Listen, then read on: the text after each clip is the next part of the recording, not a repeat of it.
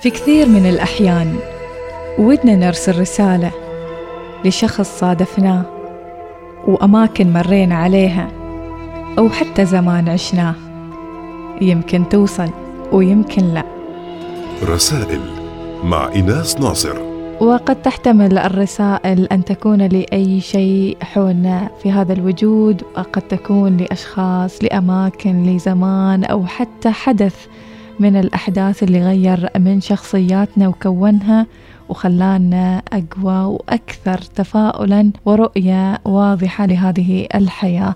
ضيفنا لهذا اليوم أحمد بن حمود البوسعيدي مغامر وغواص ومصور حياة فطرية. يا ترى لمن سيرسل رسالة أحمد وماذا سيقول في هذا ما سنعرفه إن شاء الله؟ بلقائنا مع أحمد هذا اليوم. أهلا وسهلا بك أحمد. أهلا وسهلا بك أستاذ إيناس مرحبا وسهلا شكرا على استضافتي في هذا البرنامج الجميل الشيق إن شاء الله تعالى. بارك الله فيك يا أحمد، متشوقين نعرف لمن يريد أحمد أن يرسل رسالته في هذا البرنامج. آه قد تكون رسالتي غريبة بعض الشيء ولكن هي رسالة آه لرجلي اللي فقدتها واندفنت قبلي من ثمان سنين. سبحان الله سبحان الله، الله يعطيك الصحة والعافية أحمد. وفعلا مثل ما قلت رسالة غريبة لساقك اللي فقدتها من ثمان سنوات. يا ترى ليش اخترت هذا الساق يا أحمد أنك ترسلها رسالة لهذا اليوم؟ سابقا قبل فقط كنت شخص نشيط بعض الشيء. آه، طموح. حقيقة أحب الحياة أحب أتعلم كل شيء تقريبا. أحب الطبيعة أحب المغامرات. آه، وأحب الغوص وأحب استكشاف العالم من حولي خارج إطار المألوف بين الناس يعني فكنت اجدد نشاطي برحلة أو بنشاط معين وفي ليلة من الليالي آه كنت اتجهز إلى مغامرة، هذه المغامرة كانت آه جدا شيقة بالنسبة لي وكنت متحمس كثير عليها. لأن كانت المغامرة بتكون أربعة أيام آه وكانت آه تخلخلها تخييم أربعة أيام مع غوص.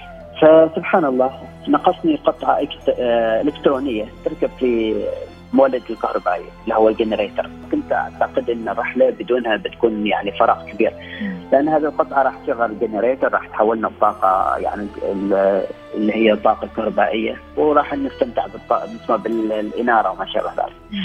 فسبحان الله وأنا راكب دراجة رحت تبضعت وخبرت الحاجة اللي أنا محتاجها وأثناء رجوعي آه فقدت السيطره على الدراجه وتدهورت للاسف وأنا آه ولما تدهور الدراجة وأنا فيها طبعا اختفت كل الأنوار فجأة مع ارتطام الدراجة حولي أكثر من مرة إلى أن ارتطمت بعمود إنارة ورمتني خارج الشارع واستقريت في الأرض.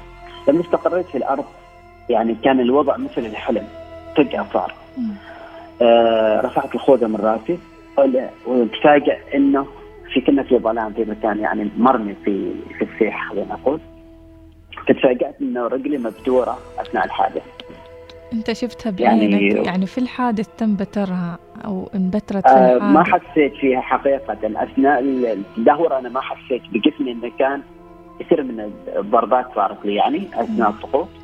ولكن ما حسيت لما صرت في الأرض وأنا أخذ الخوذه شفت ان ساقي مبتورة ما موجودة في جسمي.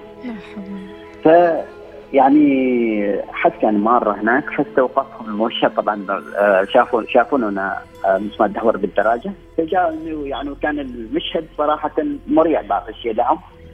اللي كبر واللي كان ما قادر يتصرف في الوضع الحالي. أنا بطلت الحزام اللي كنت لابسه في البنطال وربطت رجلي من عند الفخذ عشان أوقف النزيف. وقلت لهم شلوني؟ فقال لا تتحرك ممكن عندك إصابات أخرى. قلت لهم أنا أتحمل مسؤولية نفسي لكن لو بقيت في هذا المكان ممكن انزف يعني كثير. فشلوني؟ فجزاهم الله خير يعني استجابوا لأمري وشلوني المستشفى طبعا لما وصلت للمستشفى بعد جلوس عده عده دكاترة وأطباء في موضوع رجلي. اتفق الجميع أن رجلي ما ترجع لي. ف جايونا خبروني يعني بالموضوع قال إن رجلك للأسف ما نقدر نرجعها. وقفت وقفة صمت مع نفسي ثواني فقط وقلت لهم الحمد لله. طبعا بعد ثلاثة أشهر آه رحت إلى رحلة علاج. الحمد لله رب العالمين. بعد شهر من جلوسي في التأهيل الطبي يعلموني الاتزان بقدم واحدة مع أنها كانت القدم اللي أنا أوقف عليها الحين.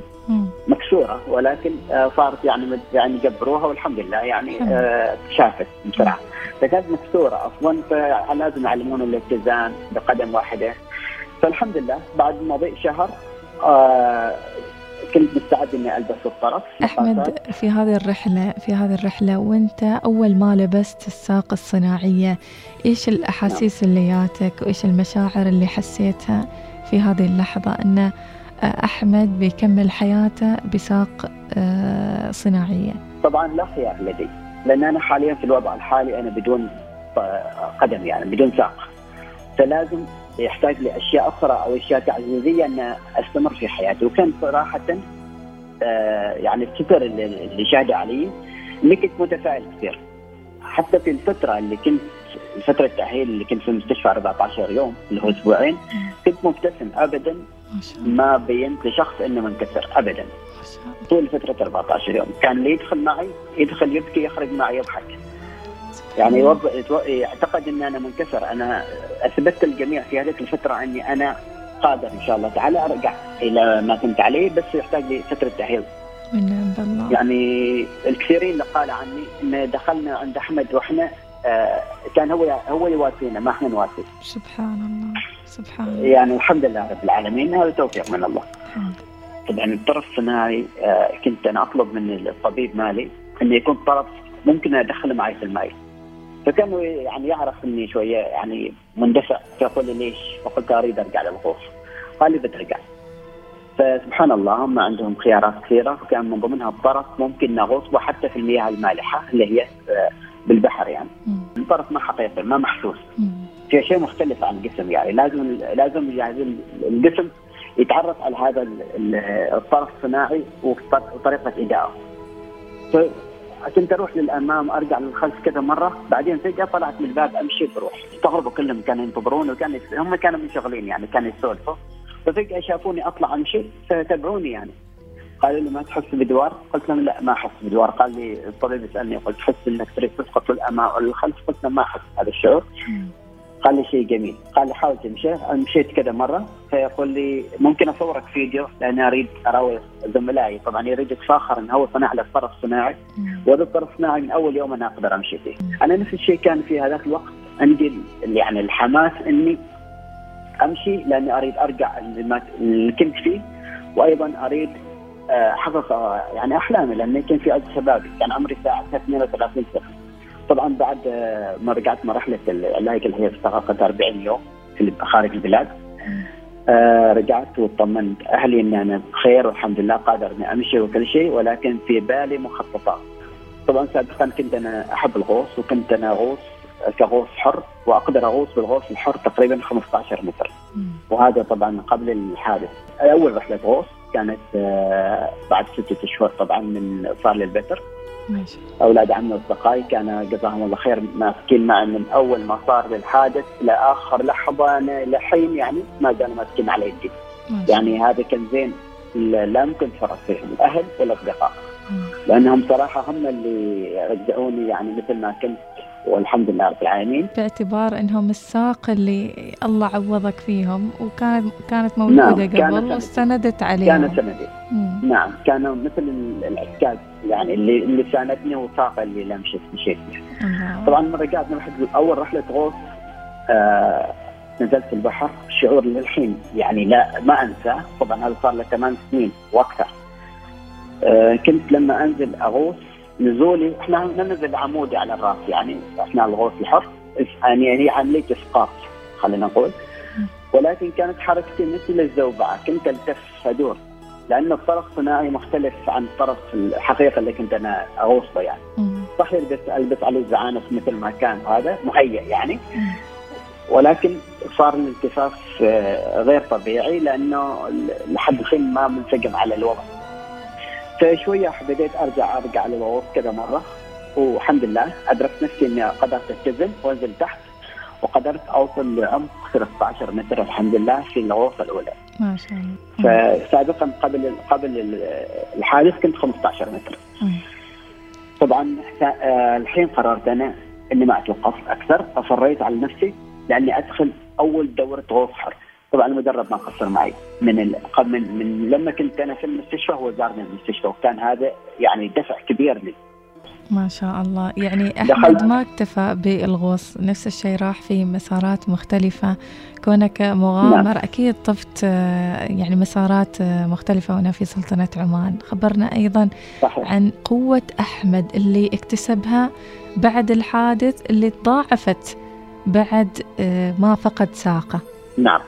طبعا مثل ما ذكرت أنا ما اكتفيت في الغوص لأني خضت الليثن المرحلة الأولى وخضت الليثن المرحلة الثانية وصلت لعمق مضاعف اللي هو بدل 15 متر سابقا وصلت ل 31 متر. طبعا هذا آه، أثناء تدريبي في الغوص الحر. طبعا ولما صار بهذا الشيء كله فقلت هل أتوقف الحين؟ طبعا نفس داخلي الداخلي الجامحة تقول لي لا توقف. قررت إني أدخل في عالم مغامرات وأرجع مرة ثانية على المغامرات، طبعا عالم مغامرات كبير وقررت إني أدخل المشي الجبلي أول شيء وبعدين للتسلق وبعدين نزول الكهوف. والحمد لله تمكنت إني أنزل أكبر غرفة كهفية على مستوى الشرق الأوسط اللي هي كهف المسمى بكهف مجلس الجن. وأيضا آه عملت برنامج معين لأودية صعبة في عمان اني اجتازها وكان من أصعبها هي بالنسبة لي أنا هو النزول إلى كهف فتحه السابعة والخروج من فتحة أخرى إلى كهف الطاهري. طبعا هذا تحت الأرض يكون تقريبا ما يقارب من خمسة ونص إلى 6 كيلو متر تحت الأرض. آه، هذا هذا طول الكهف وبعدها مسير من نقطة الخروج اللي هي كهف الطاهري اللي حجم مكان السيارات تقريبا 4 كيلو ونص. فسابقا هذه هذه المغامرة كنا كان الناس يسووها في يومين. الحمد لله سويناها في يوم واحدة من الصباح لحد الليل وعدت الكرة مرة ثانية سويتها في فترة الصباح فقط. يعني نزلنا الصباح الساعة 7 خرجنا من الكهف كامل الساعة 3 وثلث.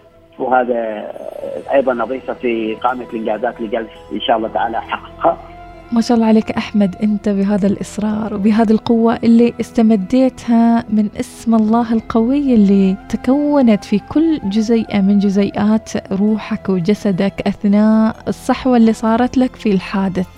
أنت اخترت في أول البرنامج أنك توجه رسالة لساقك المفقودة فماذا يريد أحمد أن يقول لهذه الساق؟ طبعا آه، هي الحين ساقي مفقودة مثل ما خبرتني ولكن هذه رسالة أقدمها لساق المفقودة. ما خذتني طيلة 38 سنة اللي رافقتني في حياتي ولن أخذلها. بعد فقدها بعون الله. وهنا أنا بعد ثمان سنوات تقريبا آه، من الحين قمت بمضاعفة نشاطي البدني وضاعفت مستوى الغوص ضاعفت الإنجازات دخول الكهوف ما كان يعني ما كان موجود. والحمد لله رب العالمين أنا ما زلت مستمر بتوفيق من الله إن شاء الله تعالى. ما زال الله سبحانه وتعالى ما اعطاني الصحة والعافية راح أستمر في هذا المجال إن شاء الله تعالى. إن شاء الله. وأرى كثير من الناس صراحة يعني عندهم الصحه والعافية وعندهم طموح. أريد أسألهم الحين ما صنعوا ما اللي صنعوا لنفسهم وما اجرهم فإذا كان ما صنعوا شيء لنفسهم. إذا كان أحمد بهذه الساق الصناعيه وعنده طموح وعنده إرادة وعنده الحين بعد يعني أنا الحين أخطط لإنجازات أخرى. فأنت كإنسان سوي وإنسان رب ربي أعطاك الصحة والعافية. ما أدرك أنك توقف في هذا المكان. طبعا ما عندك عذر. العذر فقط تعطيه نفسك وتقول إن الله ما وفقني. الله سبحانه وتعالى يوفق كل شخص بدل. كل شخص له طموح إنه يسويه راح الله سبحانه وتعالى يوفقه وراح يوقف معاه للنهاية. طبعا فقط الله سبحانه وتعالى يبغى منك السبب والسبب هو نقطة الانطلاق أو نقطة البداية. وبعدها يكون توفيق من الله سبحانه وتعالى. وعندكم مستوى الطموح ومستوى الإرادة كبير ومفتوح فقط آه، اتجه للمكان اللي أنت تريد تروحه. ما ما لازم مغامرة. أنا ما أتكلم عن مغامرات. مثلا في الدراسة مثلا في التجارة في آه، إنجاز مهمة معينة فعندك الطموح وعندك الإرادة فقط واندفع وروح والله سبحانه وتعالى راح يوفقك. بارك الله فيك يا أحمد. قصة ملهمة لكل الأشخاص اللي فقدوا جزء مهم من أجزاء جسمهم اللي كان يعينهم في لحظة من اللحظات لعمل معين. ما رسالتك أيضا لكل المتألمين إحساسهم بالخذلان لفقد جزء نعم. من أجزاء جسمهم. آه، أنا أقول لهم لا تنتظر يعني لمرحلة توصل مرحله إن الناس يعطوني أو بدوا لي العون حاول بنفسك. دام فيك نفس حاول النفس هذا ما يوقف إلا بالإرادة والنشاط. آه طبعا الإنسان ما ب... أنا الأشياء اللي سويتها الحين ما في سنة واحدة في ثمان سنين إلى الآن وأنا عندي طموح إن شاء الله. فأنت نفس الشيء ابدأ من اليوم حاول مع نفسك تدرب مع نفسك. آه وإن شاء الله تعالى راح توصل لإنجازاتك ولطموحك وراح توصل لغايتك إن شاء الله تعالى. ولا خلينا نقول لا يأس مع الحياة ولا حياة مع اليأس إن شاء الله. شكرا لك أحمد آه، البوسعيدي. شكرا, شكرا لك. ممتنة لك لرسالتك العظيمة اليوم في برنامج رسائل. وإن شاء الله الرسائل تكون كلها اللي رسلتها توصل آه، بإذن الله. رسالة أيضا الامتنان اللي رسلتها لقدمك المفقودة. فشكرا لك يا أحمد وشكرا لقصتك الملهمة. رسائل مع إناس ناصر.